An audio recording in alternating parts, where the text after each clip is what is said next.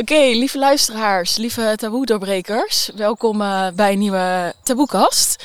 Vandaag uh, ja, een hele mooie man tegenover me, Maarten. ja. Dankjewel. Ja, alsjeblieft. En uh, vandaag, zoals jullie weten, gaan we deze maand hebben over het thema kinderen. En alle taboes rondom ja, kinderen die daar zitten. En tegenover me heb ik dus een, ja, een huisvader die het huisvaderschap beoefent. Ja, een huispapa. Een huispapa. Een thuisblijfpapa. Ja, precies. Hoe wil je het noemen? Ja. Dus wij gaan daar vandaag een uh, ja, gesprek over hebben. Dus Maarten, zou je jezelf even willen voorstellen? Ja, tuurlijk. Ik ben uh, Maarten. Ik ben uh, 33 jaar. Ik, nou, mijn functie is nu huispapa. Ja. En ehm, dat al een hele poos eigenlijk al sinds de geboorte eigenlijk van mijn eerste dochter, van ons eerste dochtertje, Suus. Dus die is nu vier. Nou, sinds die tijd uh, dat, uh, mag ik met trots deze rol vervullen. Ja, ja en je, je hebt Suus inderdaad en Fine. Ja, Fine. ja. Dus twee. Ja, dus twee ja. meiden. Superleuk. Ja, zeker. Ja, ja. ja.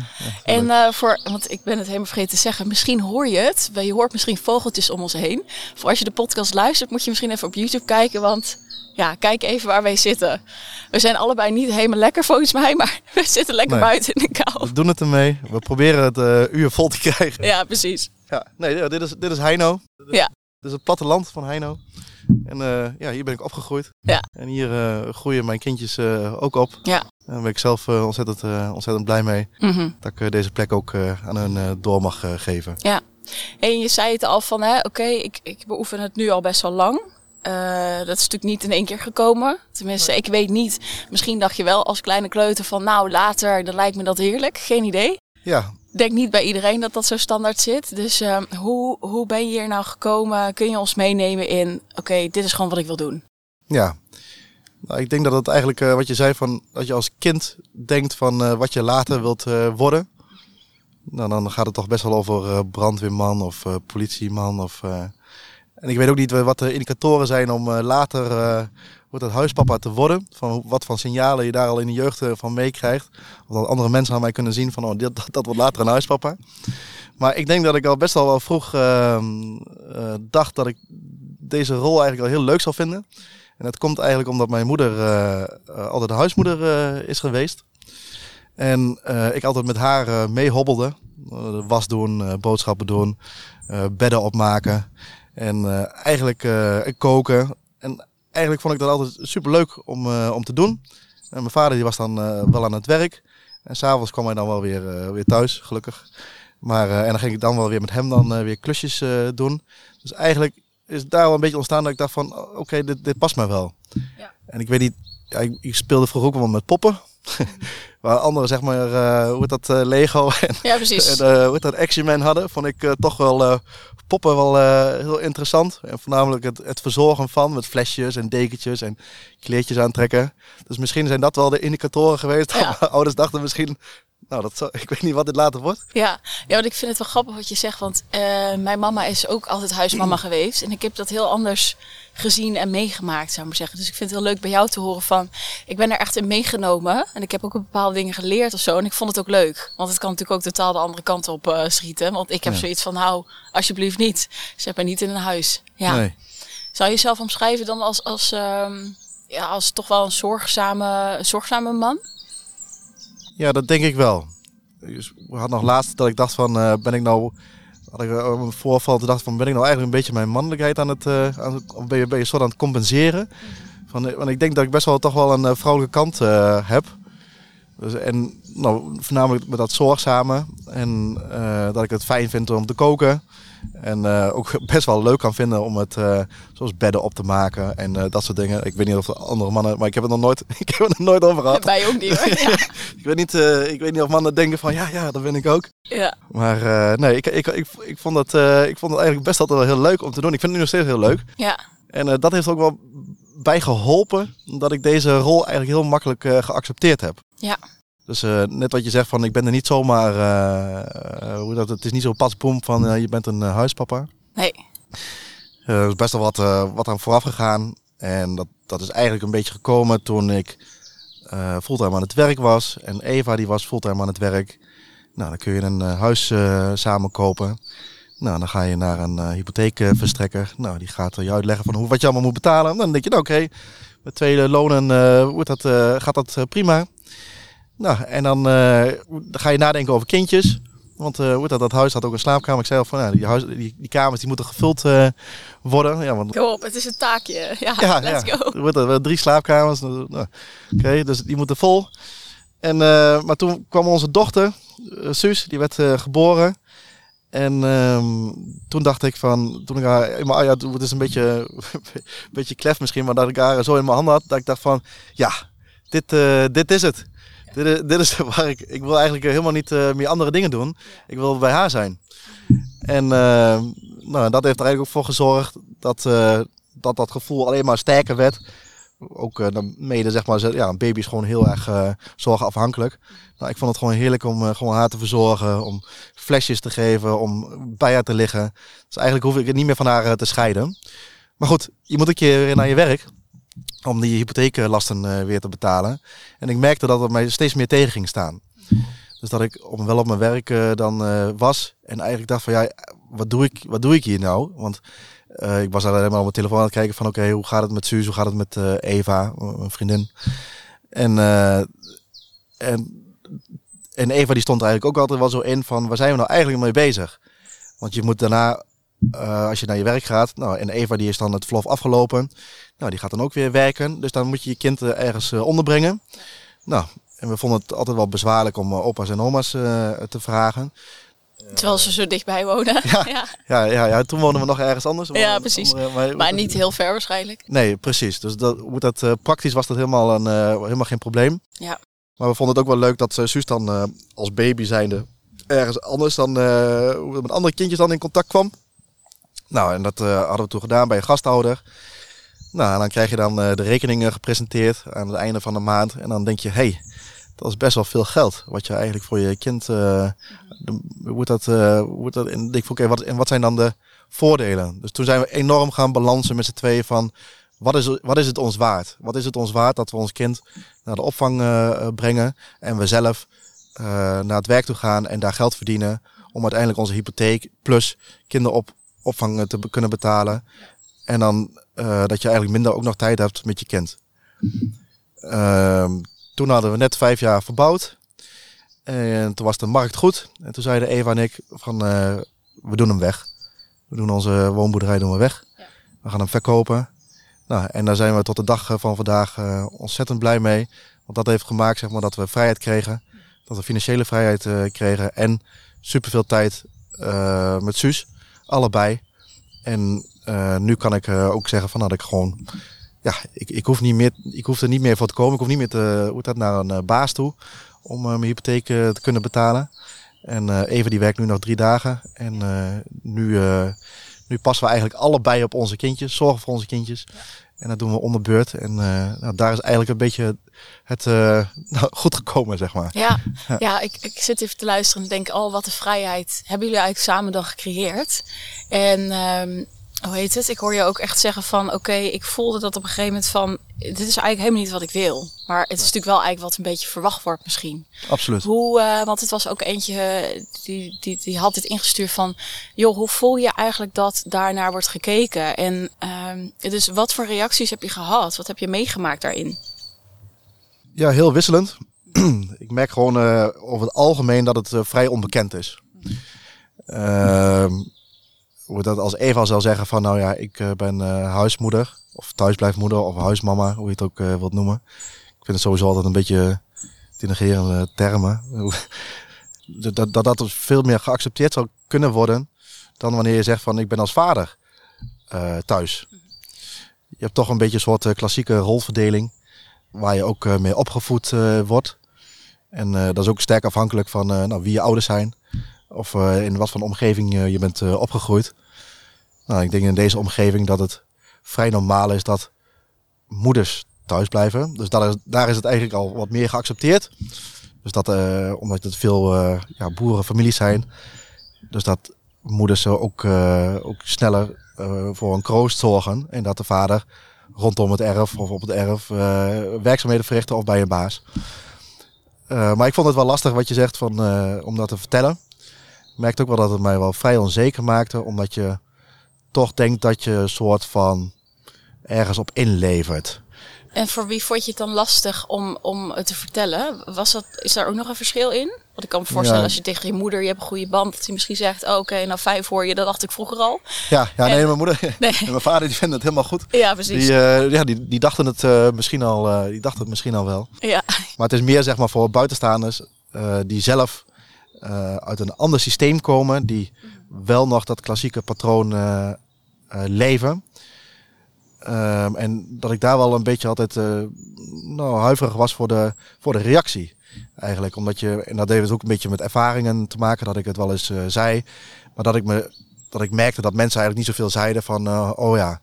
Dus dat, dat ging ik al invullen voor die mensen van, oké, oké, wat, eh, wat zal die nu denken? Zal die denken dat ik, ja, waarom ik thuis ben? Of, dus ik ging mezelf al heel snel verantwoorden van, eh, ja, ik ben huispapa. Maar alleen maar voor eh, vier dagen.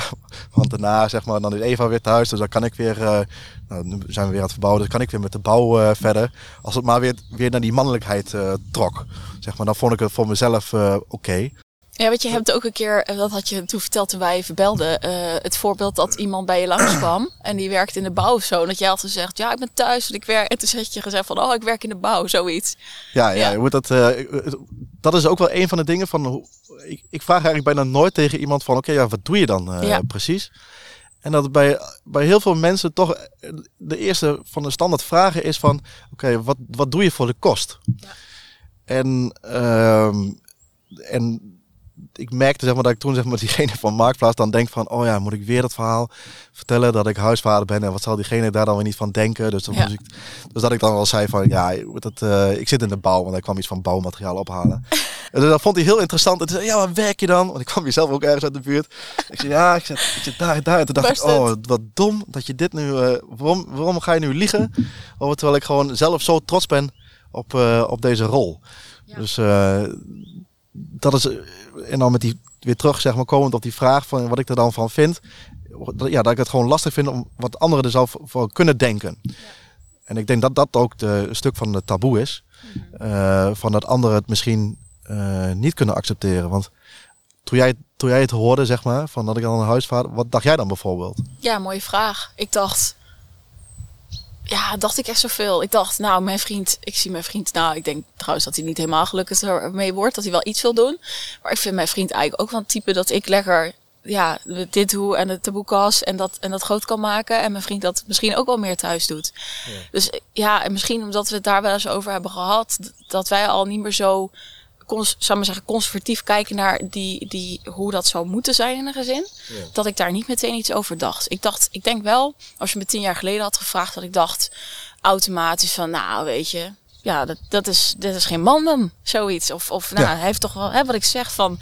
Dus ik was ook wel benieuwd van, wat is dan de meest eh, ja, triggerende uitspraak die je hebt gehad.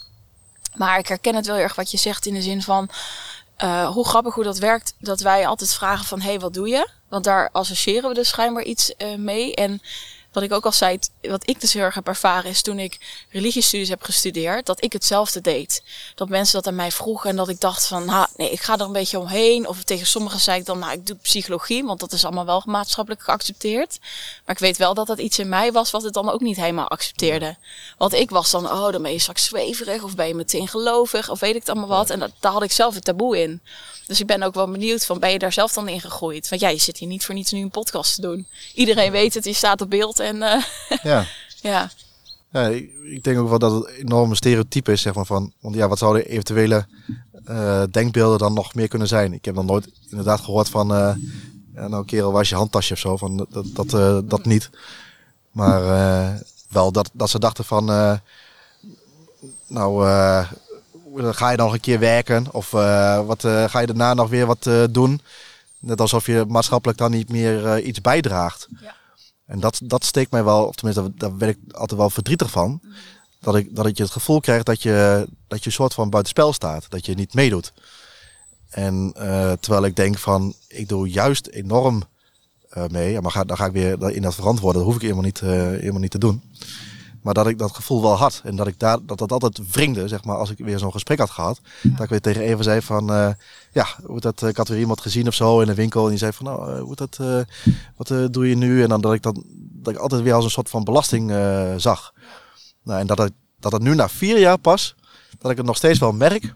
Dat ik, dat ik er nu wel vrede mee heb. Maar dat ik nog steeds lastig vind als iemand zegt van, wat doe je? Wat doe je?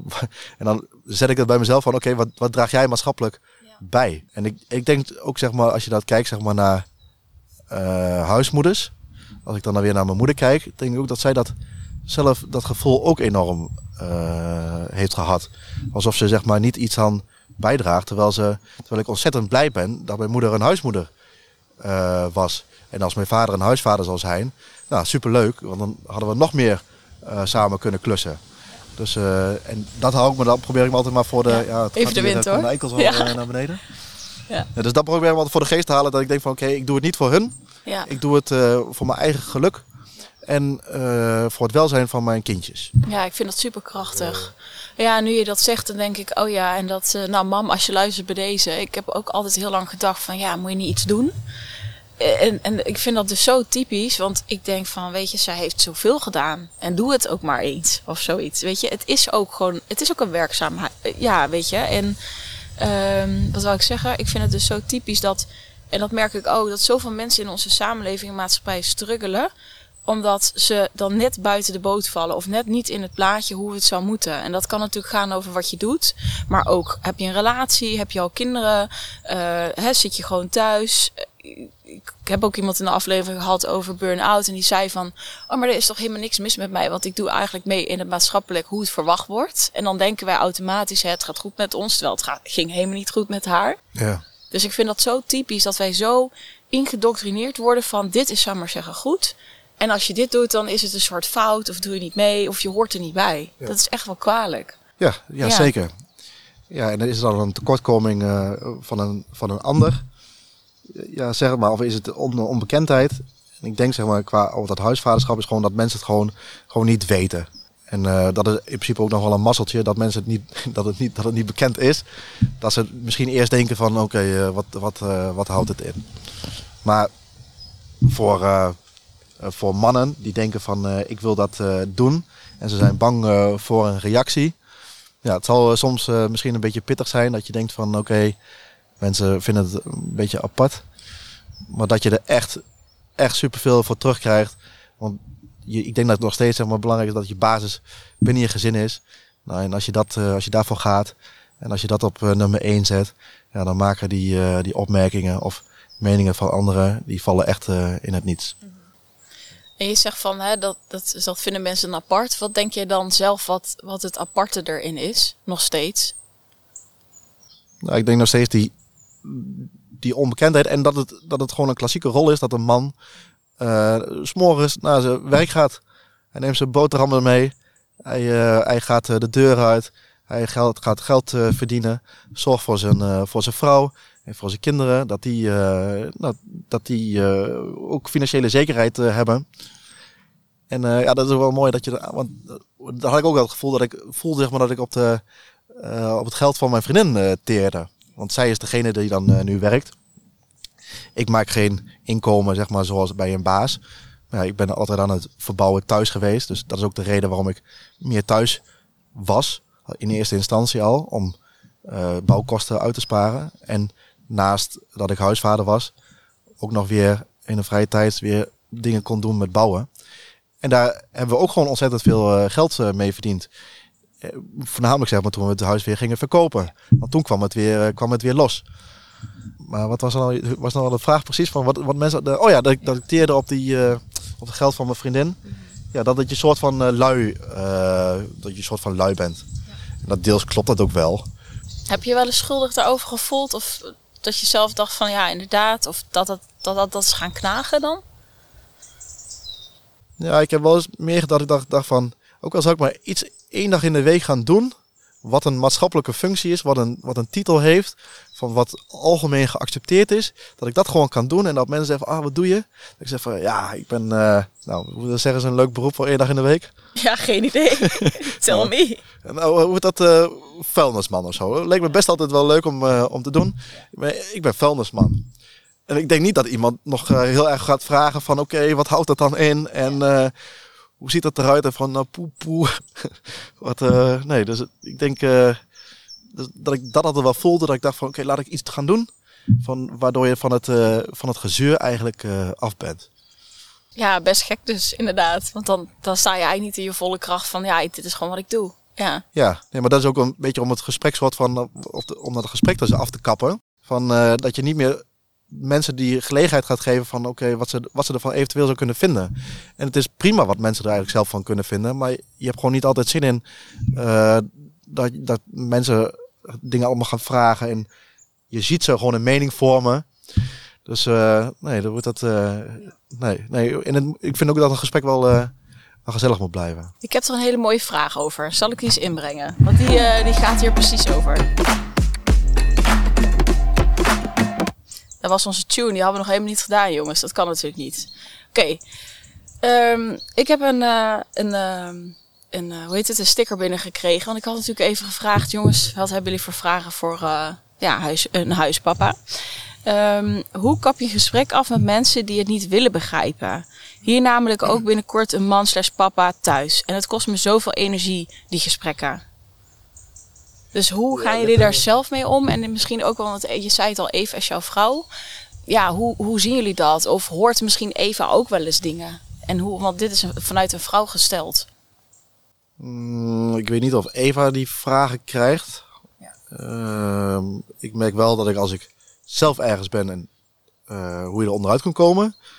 Als je met je kindjes bent is het super makkelijk. Want uh, ze moeten om de havenklap moeten ze plassen. Dus dan zeg je gewoon van als je een kapje gewoon gesprek dan zeg oh, moet je plassen? Ja, ja, ik ga met je mee.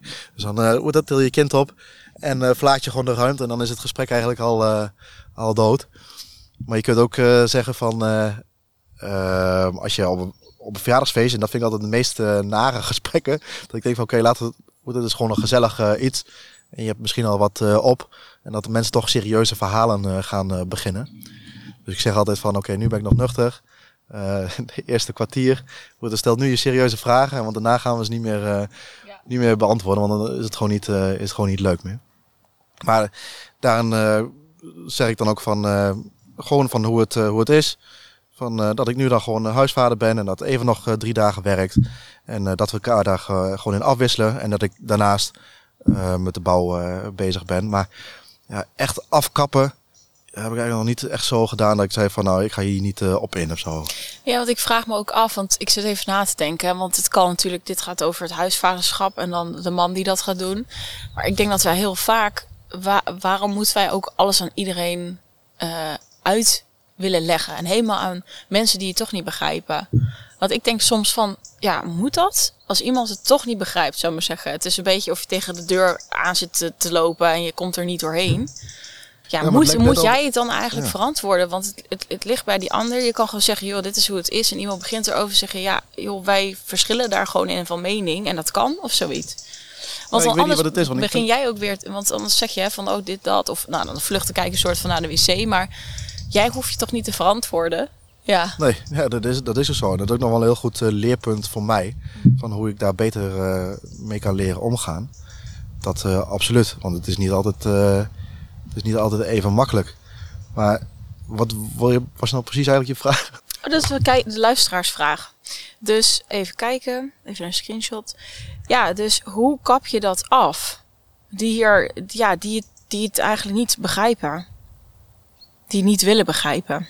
Ja, dat, ja, het is altijd wel typisch dat het altijd vaak de mensen zijn die het niet begrijpen of willen begrijpen, die juist die vraag gaan stellen. Ja, dus ik vind, ik vind dat een heel, heel apart mechanisme. Van, uh, dat die mensen, want als iemand het zal begrijpen, als ik het tegen jou zou zeggen, en hoe dat, ja, je zit al in die taboe uh, wereld en je bent al wat meer open-minded. En dan merk ik ook wel bij anderen die al ook zelf denken van oké, ik ben meer thuis of uh, ik, ik, heb meer huispapa dagen. Of uh, dat, die, dat die dat veel fijner vinden. Dat ze denken, oh wat, wat lekker. Van uh, ja, dat, dat doe ik ook, wat fijn. Dus die begrijpen het. Maar dat heel veel mensen die het, die ook niet zeg maar om te switchen, om, om te turnen zijn in hun gedachten, dat juist die mensen die vragen gaan stellen. Dus ik weet niet wat dat is. Ja, ik denk het onbekende. En dan er- ergens een nieuwsgierigheid. Maar dan toch denken, ja, maar goed, ik weet wel hoe het zit. Zoiets. Of ja, ik weet het niet. Kijk, ik heb ook, als ik, als ik dan even aan mijn eigen situatie denk, dan zeg ik, oh ja, ik werk als spiritueel coach. En bij sommige mensen, die kunnen, die weten, die snappen niet hoe ik spiritualiteit bijvoorbeeld zie. En dan kan ik het ze helemaal uit gaan leggen. Maar puntje bij paaltje, dan eh, heb ik het allemaal uitgelegd en snapt diegene het nog niet en die vindt het nog steeds raar. Dus ik heb een Plus soort een van, wat zei je? Plus een advies. Plus een advies, plus een advies van eh, moet je niet iets anders doen. Nee, ja, valt daar nou iets in te verdienen. Ehm, maar dus ik heb gewoon, ik voel gewoon al van tevoren van, hey, ga ik hier mijn tijd en energie in stoppen? Nee, want het heeft geen zin, zou ik maar zeggen. Als iemand maar best die vraag stellen, dan zeg ik het kort en dan, ja, dan hebben we het ergens anders over. Ja. Zo zou ik het doen vanuit mij, hoe ik het nu doe, zou ik maar zeggen. Maar ja, goed. Jij bent hier natuurlijk de expert van uh, huispappen zijn. Ja, Ja, ja, ik ben wel expert op huispappen zijn, Ja. maar gewoon om erover te praten. nee, precies. Ja, dat is, dat, is wel een, eh, dat is wel een dingetje. Ja, ik denk ook van, want er zit toch nog iets van hoe, hoe doe ik dit? Dan denk ik, ja, hoe, hoe kap je het af? Nou ja, gewoon hoe jij het wil, zou ik zeggen. Ja. Eigenlijk bijna. Nou, ik merk ook wel dat ik ook over mijn eigen grens dan heen ga. Ja, Zeg maar, om ook een soort van eh, beleefd eh, nog eh, te zijn. En eigenlijk laat je gewoon tijdens dat gesprek tegen je benen, aan pissen. Dan denk ik van ja, wat, wat, een- wat een gekkigheid eigenlijk.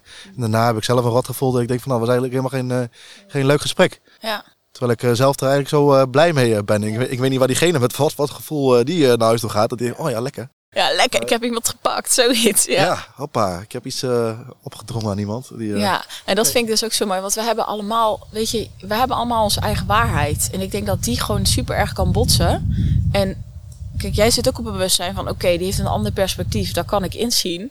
Maar ik denk dat sommige mensen dat dus niet kunnen zien van, oh, wacht even, inderdaad, er zijn verschillende waarheden. En wat ik al denk is niet altijd per se de waarheid.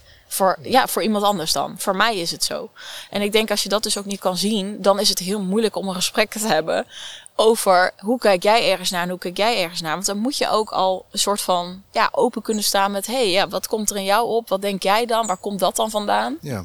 Ja, ja, je merkt gewoon dat het gewoon heel fijn is als je met, als je met mensen praat, zeg maar, die ook gewoon onderzoekend zijn. ja, En die gewoon ordeloos een situatie bekijken of belichten. Ook van meerdere eh, kanten. ja, En eh, nou, dat is wel fijn, zeg maar. Dat is ook waarom ik ja heb gezegd tegen dit. Dat ik dacht van, eh, nou, laten we dit bespreekbaar eh, maken. Want, en ook voor andere papa's in de wereld, in Nederland, die denken van, ik wil dit gaan doen, maar toch die drempel voelen van, wat zullen ze van mij denken? Ja, je hebt, je hebt geen invloed op wat andere mensen van je denken. Het enige wat je kunt doen is bij jezelf blijven en daarvoor gaan staan. En dat, dat heb ik nu, zeg maar, heb ik vier jaar over gedaan nu. Maar ik heb het nu een beetje in de smiezen dat ik denk van oké, eh, ik laat het van me afglijden. Maar er zullen altijd mensen blijven, er zullen altijd mensen vragen van wat doe je voor de kost. Er zullen altijd mensen, oh huispapa, van eh, nou, wat, eh, hoe is dat? Wat, Ja. wat doe je dan wel voor de, wat breng je dan wel in het laadje? Nee, dus, dus die mensen blijven er. Alleen, hoe dat als ik dan weer overdag zeg maar ergens bij een speeltuin sta met mijn kindjes. En dan denk ik van ja, hier, hier doe ik het voor. En wat daar een ander dan van vindt, ja, wordt dat eh, jammer. Ik wil het best uitleggen. ja, En dat, precies. en dat doe ik nu ook. Ja, eh, ja. hoe, het, hoe het zit. Maar als, als, als die deur niet open gaat bij diegene die, het- die het niet wil begrijpen, ja, helaas. ja, precies. Dan heeft hij toch nog iets. eh, Ik denk dat dat ook gewoon de houding moet zijn, weet je. Want dat doen we heel vaak, dat we eigenlijk iets hebben wat wij zo voelen en wat zo in ons, ja, hey, ja lekker de zieke hier, eh, wat zo in onze krachten staan eigenlijk. En dat we ons een beetje door van het pad laten gaan, omdat iemand anders daar dan iets van vindt. En dat we dan zo kunnen twijfelen aan onszelf, wat zo zonde is. Hey, maar we hebben het eigenlijk heel erg gehad over, oké, hè, wat, wat zijn de oordelen? Wat heb je zelf gehoord? Eh, nou, hoe kijk je er zelf tegen? Ik zou eigenlijk ook wel heel leuk vinden als je ons dus meeneemt in, hoe ziet jouw week eruit? En hè, ook een hele week ook echt. Ja, nee, ja, of een dag. En de hele fijne kant, want weet je, je hebt zoveel tijd met Suus en Fine. En je zei in het begin van het gesprek ook al. Weet je, er was, ik, ik, zag, ik zag Suus dan in dit geval, en met Fine zit ook hebben natuurlijk. En ik dacht van, hier wil ik eigenlijk bij zijn. En weet je, laten we ook gewoon de, de mooie kant belichten van, hey, wat doet dat? En wat zie je ook met, eh, dat je tijd samen met, met, met je dochters hebt? En wat doet dat voor, voor hen? En kun je ons dus meenemen daarin? Want anders zitten we alleen maar op het negatieve, terwijl het is gewoon zo prachtig eigenlijk. Absoluut. Nee, nee, wat ik zei van met de geboorte dacht ik van ja, dit is het. En uh, vier jaar later, en met een kindje nog erbij, uh, is het dit nog steeds. En uh, ik denk dat het ook gaat blijven. En als ik dan terugdenk aan die tijd van dat ik dacht van, ja, dit is het. Ja, dat het gewoon een enorm sterk gevoel is. dat je gewoon bij iemand wilt zijn. En waar je eigenlijk niet van gescheiden wilt worden. Ja, het klinkt misschien ook wel een beetje, zeg maar, heel... een beetje absurd, zeg maar, het, het te. Maar dat, dat gevoel had ik gewoon heel sterk. Dat ik dacht van ja, ik wil heel graag uh, mijn dochtertje zien opgroeien. En ik weet nog wel dat ik voor de geboorte een, een programma had gezien. Dat ik, dat ik van die, is er zo'n uh, programma met een oude man en die gaat dan met vaders, gaat hij een soort bergtocht maken. En dan gingen ze dan terugblikken op hun leven. En dan dat er eigenlijk vier van de vijf personen zeiden van ja, ik, ik had meer tijd willen doorbrengen met mijn kinderen. En dat ik dacht, dat dacht al van tevoren al van, ik wil, wat ik ook van werk daarnaast doe, dat ik veel tijd wil doorbrengen met mijn kinderen. Omdat het, die tijd die gaat zo vlug. En die is, die is mij waardevoller dan dat ik een, ergens een rol vervul in een bepaald werk. Of en dat ik een mooi huis moet betalen of, of weet ik wat. Dus, dus dat was de basis. En een groot pluspunt van uh, papa zijn is dat je s'morgens niet in een enorme drukte komt. Dus dat je niet denkt van, uh, oh ja, opstaan, Oh, die moet zo laat naar de ja. die moet naar school. Ik moet naar werk. Ik moet naar werk, opschieten, tanden poetsen. Oh, in de stress eigenlijk. Waar zijn mijn schoenen? En uh, oh shit, oudsleutel ligt nog binnen, terugrennen. Nee, dus dat, dat heb ik niet meer. En daar ben ik enorm blij mee. Dus dat dat, uh, dat, dat klaar is. En ik merk ook voor dat, dat het voor hun zeg maar, heel waardevol is. Uh, dat ze die, die haast ook niet voelen. Dus dat ze eigenlijk ook gewoon rustig mogen opstarten. Uh, dat, zonder dat ze ergens nu op de crash eh, staan en dat ze denken: oké, wat, wat was dat het afgelopen half uur? Wat gebeurde er allemaal? En dat ze dan pas ontwaken op een crash. Maar nu, nu mag je gewoon, gewoon hier broodje maken, melkje drinken. Nou, het enige waar ik dan voor zorg is dat even aan de deur uitkom. Dus dat, dat, Gelukkig, ja. ja. Dat die alles gewoon heeft, dat ze tassen heeft, dat ze daar uh, broodjes. ja, dat is heel lief. Ja, ja, dat is wel heel fijn, maar dat doe ik ook voor mijn eigen rust. Oh ja. anders, anders gaat die zeg maar, heel ongecoördineerd door alles heen rennen. Ja. Dus uh, nee, dus dat, dat uh, gaat heel, uh, heel soepel. nou, we hebben al verschillende dagen waarop we activiteit dan doen. Want Suus die is dan wel vier, maar die gaat nog niet naar school. Over taboes gesproken. Want een kind hoort toch naar, met vier naar school te gaan. Nou, dat doet zij niet. Ja. Want we zagen zeg maar, dat ze het niet fijn vond op de opvang. En nou, dat was perfect, want ik was toch thuis. Dus ik had toch hoe dat, ruimte om haar samen met Fine zeg maar, eh, op te vangen. En, nou, en dat maakt er ook bij dat we nu dan ook activiteiten samen kunnen doen. Bijvoorbeeld dat we naar de uh, speeltuin gaan. Of uh, hoe dat, wat praktische dingen. Dat we samen boodschappen gaan doen. Dat we een kaartje op de bus doen. Of er moet een pakketje verstuurd worden. Dus de hele ochtend is al een hele grote activiteit. Bijvoorbeeld al met een pakketje versturen. Want het pakketje moet ingepakt. Nou, ze willen samen tapen. Die, hij moet naar de postkantoor. Nou, dan, hallo postmevrouw. Dat, we komen een pakketje brengen. Nou, hij mag in die kar. Dus de ruimte vult zich enorm. Ja. Ik, ik, noem het altijd een beetje van mindful uh, ouderschap. Zeg maar, als je gewoon de tijd neemt en je, hoeft, je hebt niet zeg maar, een ander ding daarnaast wat je, wat je moet halen. Eh, of dat je ergens gehaast bent van oké, want ik moet nu nog even snel naar de post toe. Uh, want ik moet zo laat uh, dit en dit doen. Dan heb ik nog een afspraak staan. Dan trek je eigenlijk die kinderen gewoon mee. Merkte ik voor mezelf. En nu uh, denk ik van oké, okay, hoe lang het ook gaat duren, is voor mij prima. Elke minuut dat we hier in die winkel staan, is voor mij weer, wordt dat, uh, weer een minuut dichterbij dat ze naar bed toe gaan. Oh dus, ja, aftellen. Nee, ja, nee dus hoe dat rek het maar. En je ziet zeg maar dat als je dat gewoon die dag zeg maar oprekt, ja. Uh, dat hun daar veel, veel fijner in gedijen, maar dat ze ook meer hun eigen ding daarin kunnen doen. Ja, en de rust waarschijnlijk ook meer ervaren dan dat je inderdaad al vol stress overal heen. En het klinkt nu van oké, het is echt een onderdeel. En er valt ook nog iets soort van van te leren. In plaats van ik heb een pakketje gedaan en hup, we gaan even. Ja, inderdaad. Want je kunt ook, ja, ga maar eens naar de winkel van oké, waar komt de melk vandaan? Of ja. hoe hoort deze groente? En, en nu zijn ze al aardig oud. Zeg maar, nu zijn ze twee en vier en kunnen ze allebei uh, praten. En dan is het ook weer, weer anders. Maar ik vond het ook leuk toen ze nog een baby waren. Dat je zeg maar hun meeneemt in de draagzak. Gezellig. Uh, hoe dat uh, boodschappen doen. Nou, je hebt, hoe dat uh, s'morgens door de week heb je alleen maar ouder publiek wat, wat winkelt. Nou, ja. Dat zijn juist de mensen die het ontzettend leuk vinden om even in de draagzak of in een kinderwagen te kijken. En even een kletsje maken. Even een, even een praatje maken. Nou, vond ik zelf ook heel leuk. dat vind ik ook een van de voordelen dat je gewoon de tijd kan nemen. Ja. Samen met je kindje. En dat je zo ook wat dingen ook bij kan brengen. Zonder dat het gehaast hoeft. Uh, en dan smiddags nou, gaan we brood eten. En smiddags doen we nog een rustige activiteit. Gaan we spelen in de tuin. Maar ook... Ja, ik zag de trampoline al staan. Nou, ik wil nog wel even hoor. Ja, dat mag. Ja, ik, dat, dus straks naar de podcast. Ja. ja. ja. Nee, dat, dat vinden ze heel leuk. Om even, zeg maar, de drukke ochtend. En dan voornamelijk voor onze oudste dochtertje. Want die is dan hoogsensitief. Tenminste, die, hoe dat, uh, die hoogsensitief karakter, noemen ze, dat, uh, noemen ze dat dan. En die vindt het gewoon heerlijk zeg maar, om smiddags gewoon te ontprikkelen van wat ze die ochtend uh, heeft gedaan. Nou, en dan, gaan we, dan zoeken we gewoon, gaan we buiten dingen doen. En ook al regent het, nou, ze vinden het heel leuk zeg maar, om in een regen plassen te stampen of wat dan ook. Maar het is ook niet zeg maar, dat we alleen maar kindgerichte activiteiten doen, maar dat we ook activiteiten doen zeg maar, waar, waar, wat ik dan ga doen. Bijvoorbeeld plinten halen. Of ja, hele, hele mannelijke dingen. Ja, yeah, jongens, kom op. ik ben wel mannelijk. Dat ja. ik eindelijk weer eens kan denken van, ja, we gaan naar de Rova of naar zo'n afvalbrengstation. Dan gaan we dan samen naartoe. En dan gaan we dan uh, spullen en containers uh, gooien. En dat vinden ze ook hartstikke leuk. En daar leren ze ook weer heel veel van. En, maar ook dat ze met mij meegaan. Ja. En je merkt zeg maar qua gereedschap dat ik dat vroeger ook altijd bij mijn vader deed. Dat het gewoon enorm voordeel heeft gehad. Van dat ik eigenlijk altijd met mijn neus daar bovenop stond. En ook al doe je niet zoveel, maar je bent altijd wel in de buurt en je ziet gewoon heel veel. En van zien uh, leer je ook gewoon heel veel. En dat, dat vind ik ook mooi dat ik dat nu met hun aan, kan meegeven. Uh, want ik, ik, ik zou niet weten van of, het, of het geaccepteerd zou zijn als ik mijn kinderen naar, als ik vuilnisman zou zijn, dat ik dan mijn kinderen mee mag nemen op. Dus, dus die gaan dan de hele dag spelen met die andere kindjes. En dat is ook, dat is ook heel belangrijk, dat is ook heel leuk. Maar ik vind dit ook heel leuk en waardevol. Dat ze dat ook meekrijgen. Ik zat even te denken, want hè, ik, eh, het, jouw dag, je, je doet je eigen dingen en voor en, en Fina. En ik was benieuwd van, voel jij je wel eens, omdat je dan hier uh, met je twee dochters overal zit en Eva is natuurlijk van, voel je soms een bepaalde, uh, dat je denkt van, oh ik ben een beetje eenzaam of, of mis je dat eigenlijk niet? Dat je zo op een werk zit met collega's en weet ik het wat.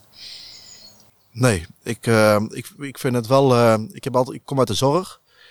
dus ik heb eigenlijk uh, grootste deel zeg maar altijd met vrouwelijke collega's gewerkt. Ja, die mis ik niet. nee, nee, Als jullie luisteren, hey. Ja, nee, dat mis ik ook echt niet. Ik vind, uh, en zeker zeg maar in die uh, sectoren, denk ik, denk ik van jeetje, wat een, uh, dat, wat ben ik blij zeg maar dat ik, want ik hoorde wel eens de verhalen, even die werken nog wel in de zorg, ook met vrouwen. En dan denk ik van, oh ja, bah, wat, wat na.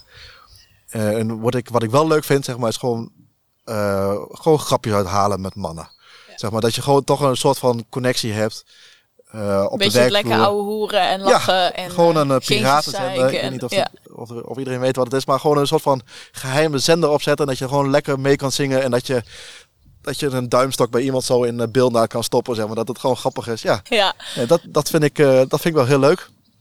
En dat mis ik ook wel. En ik, ik denk ook wel als Suus en Fine zeg maar naar school zouden gaan. Dat ik toch een beetje meer die kant op neig. Ja. Dat, het, dat het voor mezelf, dat ik daar wat ja, want voor de centjes hoeft het dan uh, in principe, maar dat, dat dan uh, dat ik dat meer voor de contacten zou doen. Ja. Maar nu, of ik eenzaam ben, nee, eigenlijk niet. Je hebt helemaal geen, soms geen, geen tijd om na te denken van hoe je jezelf voelt. Omdat uh, die, ja, de kinderen die, die vragen zelf gewoon heel veel energie en aandacht. Ja, je zult wel spiegels van ze krijgen, gok ik zo. Want je bent er bij ze. Ja, absoluut ja, voornamelijk als ze dingen zeggen of zo, dat van hoe komen ze dan al bij? Dan zeggen van, nou ja, even zeggen, ja, niet van mij. Heb je een voorbeeld? Ja, dan moet het dan, uh, of ik een voorbeeld heb. Ja, dan zijn we benieuwd. Ja, dat, uh, ja meestal is dat vloeken of ik luister ook wel eens liedjes en zo van ja, René Vrogen en ook wel wat, ja, dat soort dingen. Maar hoe dat, en dan zingen ze ook wel eens teksten uit dat ik denk oh ja, dat is eigenlijk niet zo heel netjes als kinderen dat leren. En dan uh, dat, dat Suus dan zegt, uh, dat, ja, ik heb alle mooie meiden op de mond gepakt. En dat soort uh, liedjes. Van, ja, en dan. Dat, ja, dat ze dat ook een beetje zingt. En dan vindt ze heel oh, leuk lekker open-minded, dat wel. Ja, ja. En, ja goed. dat, en ik ja, oké. Okay. Nou, maar dat, ik, dat hoort er ook bij. Dat is ook, ja. dat is ook prima. maar eenzaam, nee. Hoe dat, ik weet dat Eva weer een keer thuis komt. Ik heb wel eens dat ik denk van, oké, okay, ik ben er nu wel klaar mee. Maar dat gevoel wel. Dus huispapa's, als je denkt van, ik wil het worden, moet er plan ook tijd voor je, voor jezelf in. Want je gaat heel makkelijk. Ja, over je eigen me-time dan, zou ik maar zeggen. Ja, hip inderdaad. klinkt. Want, ja, je bent gewoon de hele dag gewoon eh, bezig. Je gaat s'avonds koken en vind ik ook heel leuk. Samen met een kindje vind ik ook prima. En daarna zeg maar rol je het eh bedritueel in. Nou, dat duurt zo tot 7 uur, half 8. Nou, als er eentje verkouden is, nou zoals gisteravond, nou ben je tot 10 uur eh, ben je lekker bezig om hoessiroop eh, in te krijgen. En dan, eh, en dan begint jouw tijd. en dan denk je, ja, mijn tijd, eh, hoe, eh, dat, ik, ik ga douchen en ik ga naar bed. Morgen is er weer een, weer een dag. En nee, dus, dus daar is het wel belangrijk dat je ook, ook tijd voor jezelf neemt. En doe je dat nu dan? Dan maak je tijd voor jezelf? Of Ja, heb je zoiets van, ja, hey, lekker. Ja, Elke dag komen, ja. oké. komen praten. Elke dag een want dan- podcastje. ik probeer wel zeg maar dat. Nou, ik heb dan wel. Ik vind het leuk zeg maar om te klussen naast eh, dit. Dus ehm, en Eva die werkt nog drie dagen. Eh, dus we wisselen het heel erg af. Ja, laat je daarvan op? Van, is dat jouw ding van, oh, klussen, dan ben ik lekker bezig? Want Ja, ik kan me ook voorstellen dat sommige luisteren denken, nou, moet je weer klussen. Ja, Ja, ja, wat een leven. Ja, Ja, nee, hoe dat, eh, ik vind dat enorm eh, fijn om te doen. ja wat leuk. weer, die- weer die muziek aan. Ja, precies. Ja, ik heb alleen geen, geen beeld naar de potlood in te nemen. Maar in ieder geval, het komt weer helemaal... Eh, dus een oproep, wil iemand meeklussen? Een Ja, beetje mannigheid. Ja, ja, ja. Nee, dus- tof. Maar daar, daar heb ik ook voor speciaal gekozen dat ik niet fulltime huispapa ben. Anders zou het zijn zeg maar, dat Eva zeg maar, niet meer thuis zal zijn. Ja. Dus dat die zeg maar, weer, zich meer verwijderd voelt. Maar dat we het doen het gewoon half om half. Ja, mooi. En dan eh, de zondag is onze samendag. Dan gaan we dan iets eh, leuks, eh, gezelligs samen doen. Ja, Dus dan zijn we echt pannenkoeken eten. Leuk. Absoluut, zoiets. ja, samen bakken. Heerlijk. Ja, leuk. Ja. Hey, jij ehm, zei net ook even al iets van, eh, hè? Oh, nog een, over nog een taboe gesproken. Suus die nog niet naar school is. Ehm, en je zei ook al van, hè, ik, we merkten aan haar van, het, het past niet helemaal. Ik denk dat sommige ouders hier ook tegenaan lopen. Dus kun je ons eens meenemen in, oké, we merkten iets aan, aan Suus. En eh, hoe je dan uiteindelijk bij de keuze bent gekomen, oké, we houden er nog even thuis. Ja. Nou, van tevoren was het eigenlijk al van dat we zeiden van ze hoefden niet per se naar de kinderopvang. We hebben altijd wel een, eh, een dag laten gaan om toch een beetje de feeling te houden met nou, dat iemand anders eh, voor ze zorgt. En dat ze ook met leeftijdsgenootjes zijn. Want je denkt dat ze daar eh, baat bij hebben, dachten wij toen. En als je kind 2,5 is of zo, of 3, krijg je een brief van je gemeente en er staat van, eh, nou je kind wordt eh 4. je moet je gaan inschrijven, want straks is er geen plekje meer op de basisschool. En dat is eigenlijk de reden geweest dat we een omslag gingen maken van, eh, nou ons huis hadden we toen verkocht. We gingen naar een nieuwe woonplek en we gingen een school bezichtigen. Kijken, toen nog in coronatijd, dus dat was gewoon digitaal. Dus we konden helemaal niet voelen van hoe we het nou eigenlijk eh, voelden. Nou, hier in het dorp zeg maar, had je, nou, had je gewoon eh, ja, drie, eh, drie keuzes. Rooms-katholiek, christelijk en openbaar. En nou, we zeiden van oké, deze school die past, wel, die past wel bij ons. En daar hebben we voor ingeschreven toen ze 2,5 was. Terwijl we dachten van ja, we weten eigenlijk helemaal niet van hoe ons kind zich nog verder ontwikkelt. Maar goed, die keuze maak je dan, want iedereen doet het.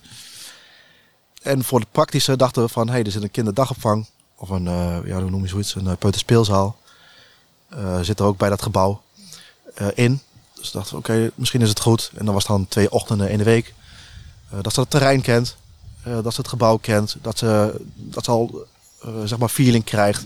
En gevoel krijgt van, oké, hier ga ik straks, als ik vier ben, stroom ik door. Nou, en eigenlijk eh, dat, eh, ging dat helemaal niet goed. Eh, we hebben het eh, bijna een half jaar eh, geprobeerd onder het mom, ze moet nog even wennen. En daar zijn wij zeg maar flink over onze grenzen heen gegaan. En eh Suus voornamelijk, want die, die heeft gewoon elke keer gezegd van ik wil niet meer. Ik vind het daar niet leuk. En die ging bijna, spurend, eh, s'morgens weer die kant op. En dat wij dachten van ja, maar hoe moet dat dan straks met, met school? Want ze moet toch, ja, je moet naar school hè. Want, dus dus we hebben maar zeg maar proberen blijven aan te bieden. Totdat we dachten van dit gaat niet goed. We zijn nu iets aan het eh, forceren. We zijn daar niet meer aan het voeden, maar we zijn nu aan het trekken. En dat is ook de, het moment geweest dat we zeiden van we gaan een, eh, een eh, kinderpsycholoog inschakelen. Omdat we continu bij de peuteropvang in de discussie bleven van ja, het is nog wennen. En ze is ook verlegen. En mijn kind is ook verlegen. Dus we kwamen daar niet, niet verder mee, omdat het, we dachten wel van oké, er is iets, maar we wisten niet wat. We konden niet de vinger opleggen. En dus blijf, de discussie bleef altijd in het luchtledige. Nou, en we hadden het zo voorgesteld aan die kinderpsycholoog. En die zegt van, nou, ik weet het al na het eerste gesprek. Ja, jullie kind is gewoon 100% hoogsensitief. Oké, hoogsensitief. Wat is dat dan precies? Dus ze zijn enorm gaan inlezen zelf. Wat is hoogsensitiviteit dan? Nou, hoogsensitiviteit is dat je gewoon moeite hebt of dat je uitdagingen hebt met prikkels. Dus, en dat, dat de wereld heel overweldigend is. En dat je eigenlijk in alle situaties al snel vol zit. En al snel zeg maar, aan je tak zit. En dat je daarna rust moet zoeken buiten. Dus, of in een groene omgeving. Nou, dus we zijn boeken gaan lezen. Er zijn wat onderzoeken geweest. In Amerika en Nederland is het vrij nieuw. En daarin zagen we ook van dat thuisonderwijs eigenlijk heel goed zou kunnen werken uh, voor kinderen die hoogsensitiviteit hebben of ervaren. En toen zijn wij onze pijlen daar eens op gaan richten. Oké, want als wij denken van, nou, oké, het gaat niet in die setting, in een drukke setting waar je bij 30 kinderen in de klas komt, waar ze gewoon zeg maar niet de aandacht zou moeten kunnen krijgen of waar begeleiders of leraren niet uh, bekend zijn met die termen van hoogsensitiviteit en al helemaal niet zeg maar van welke begeleiding je op toepast. Ja, wat, wat zou je dan je kind aandoen zeg maar, om haar toch daar naartoe te laten gaan? Uh, en toen hebben we dus met die, uh, of met die thuisonderwijs, daar zijn we dus helemaal op gaan focussen en richten van hoe dat nou precies zit.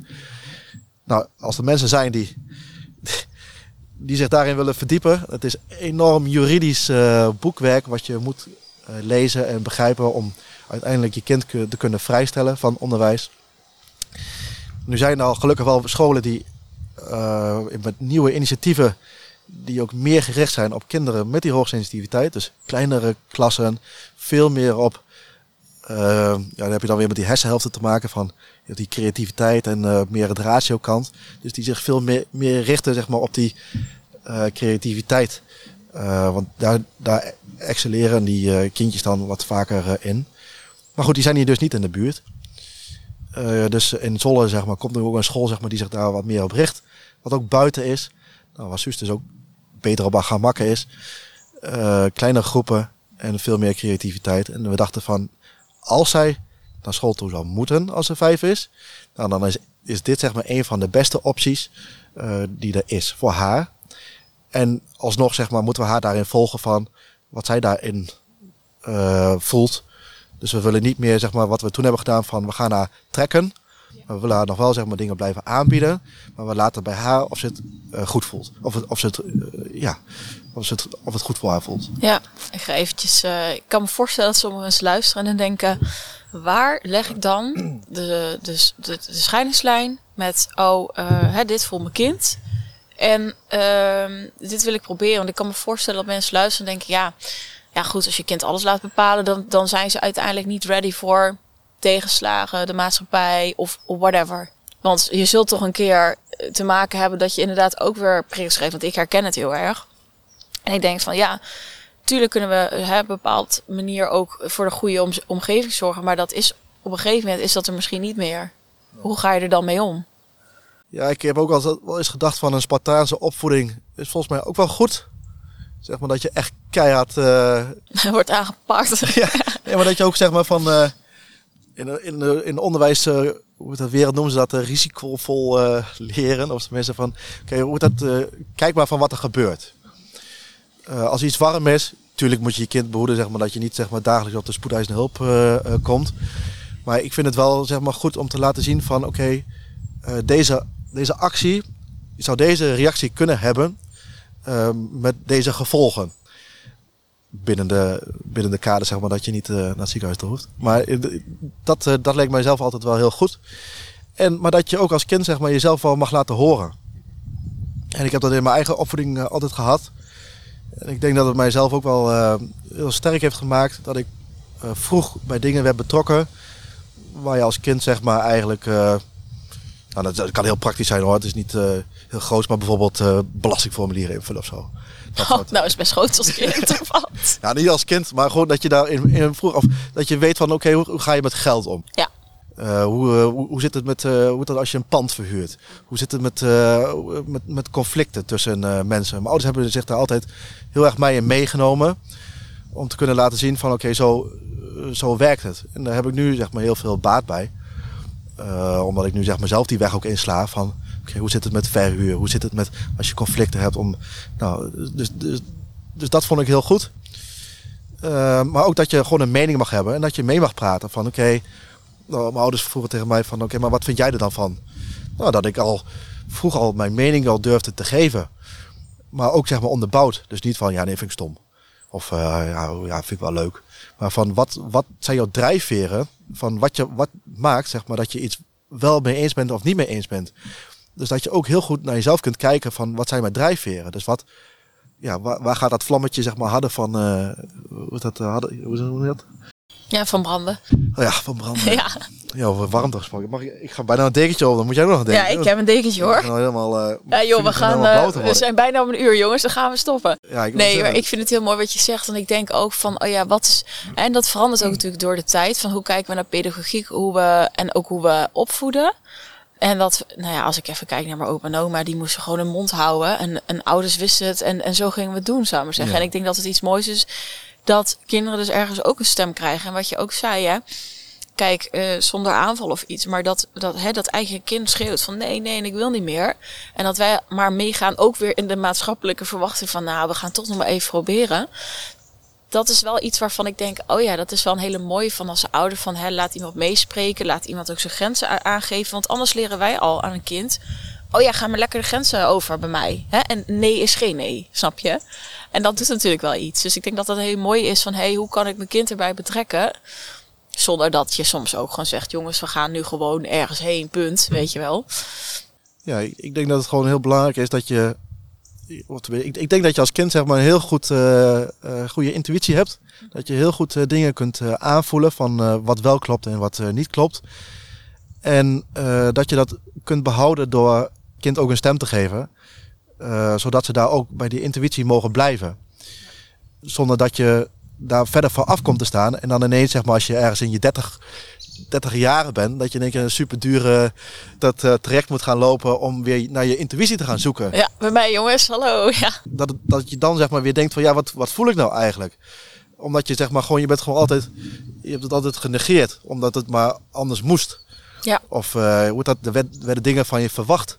Dus jij ging daarna anticiperen. Maar eigenlijk wist je wel, je voelde al wel van, dit klopt ergens niet. Nou, en dat, dat, je, dat ik dat nu mijn kinderen mee kan geven.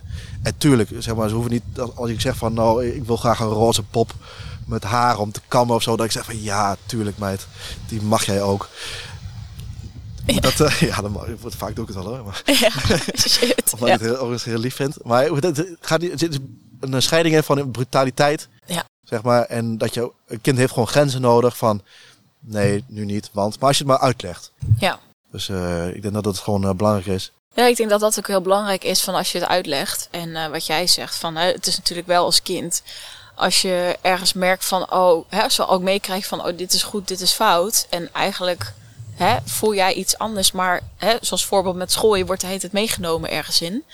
Uh, dan ga je denken van, oh, dan moet ik dat maar wegdrukken. En ik denk, hè, want ik zei het even bij mij als grapje van in, in de coaching, weet je, het zijn zoveel mensen die totaal geen contact meer hebben met gevoel. Omdat we al, we hebben eigenlijk geleerd van pas je maar aan. Het begint bij je ouders, daarna moet je bij de klas zo, moet je in de klas een bepaalde manier doen.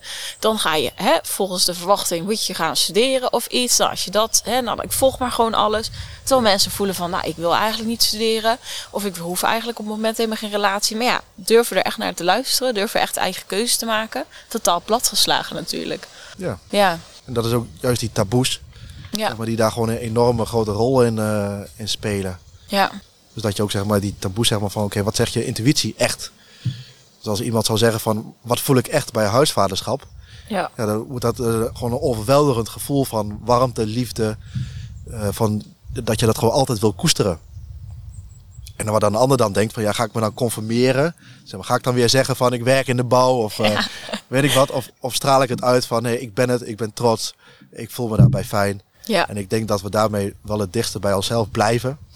En dat we daar ook onze mooiste kant van uh, laten zien. Mm.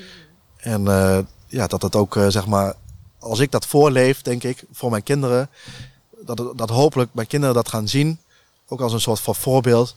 Dus dat hun dat uh, nou, dat ze daar ook zeg maar dicht bij hunzelf blijven. Ja. Ongeacht wat van dingen op hun afkomen, zeg maar, uit de situatie of uit de maatschappij.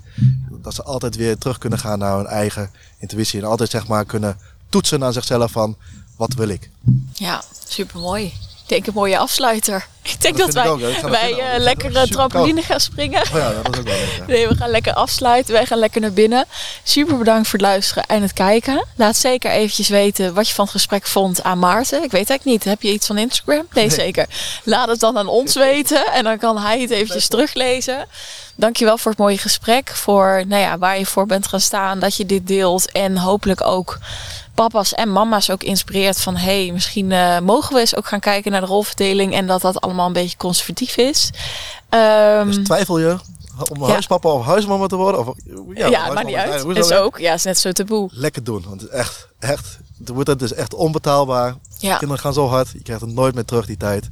Lekker doen. Je hebt mij geïnspireerd om ook te gaan kijken, oh, hoe ga ik dat eigenlijk doen als ik eh, kleintjes heb? Want eh, wat je zegt, je krijgt niet terug. En ik wil, ik wil nou niet zo iemand zijn die later zegt van, oh, had ik maar. Maar het gewoon meteen dan eh, gaan doen.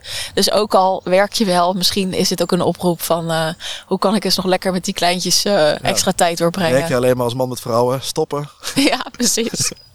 Ik spreek jullie volgende week weer een hele mooie taboekast over weer een thema met kinderen. En eh, ja, laat hieronder even je liefde achter. Oké, doei! en even een kus als man, hè? dat is ook taboe soms, maar kan. gewoon. Ja, precies.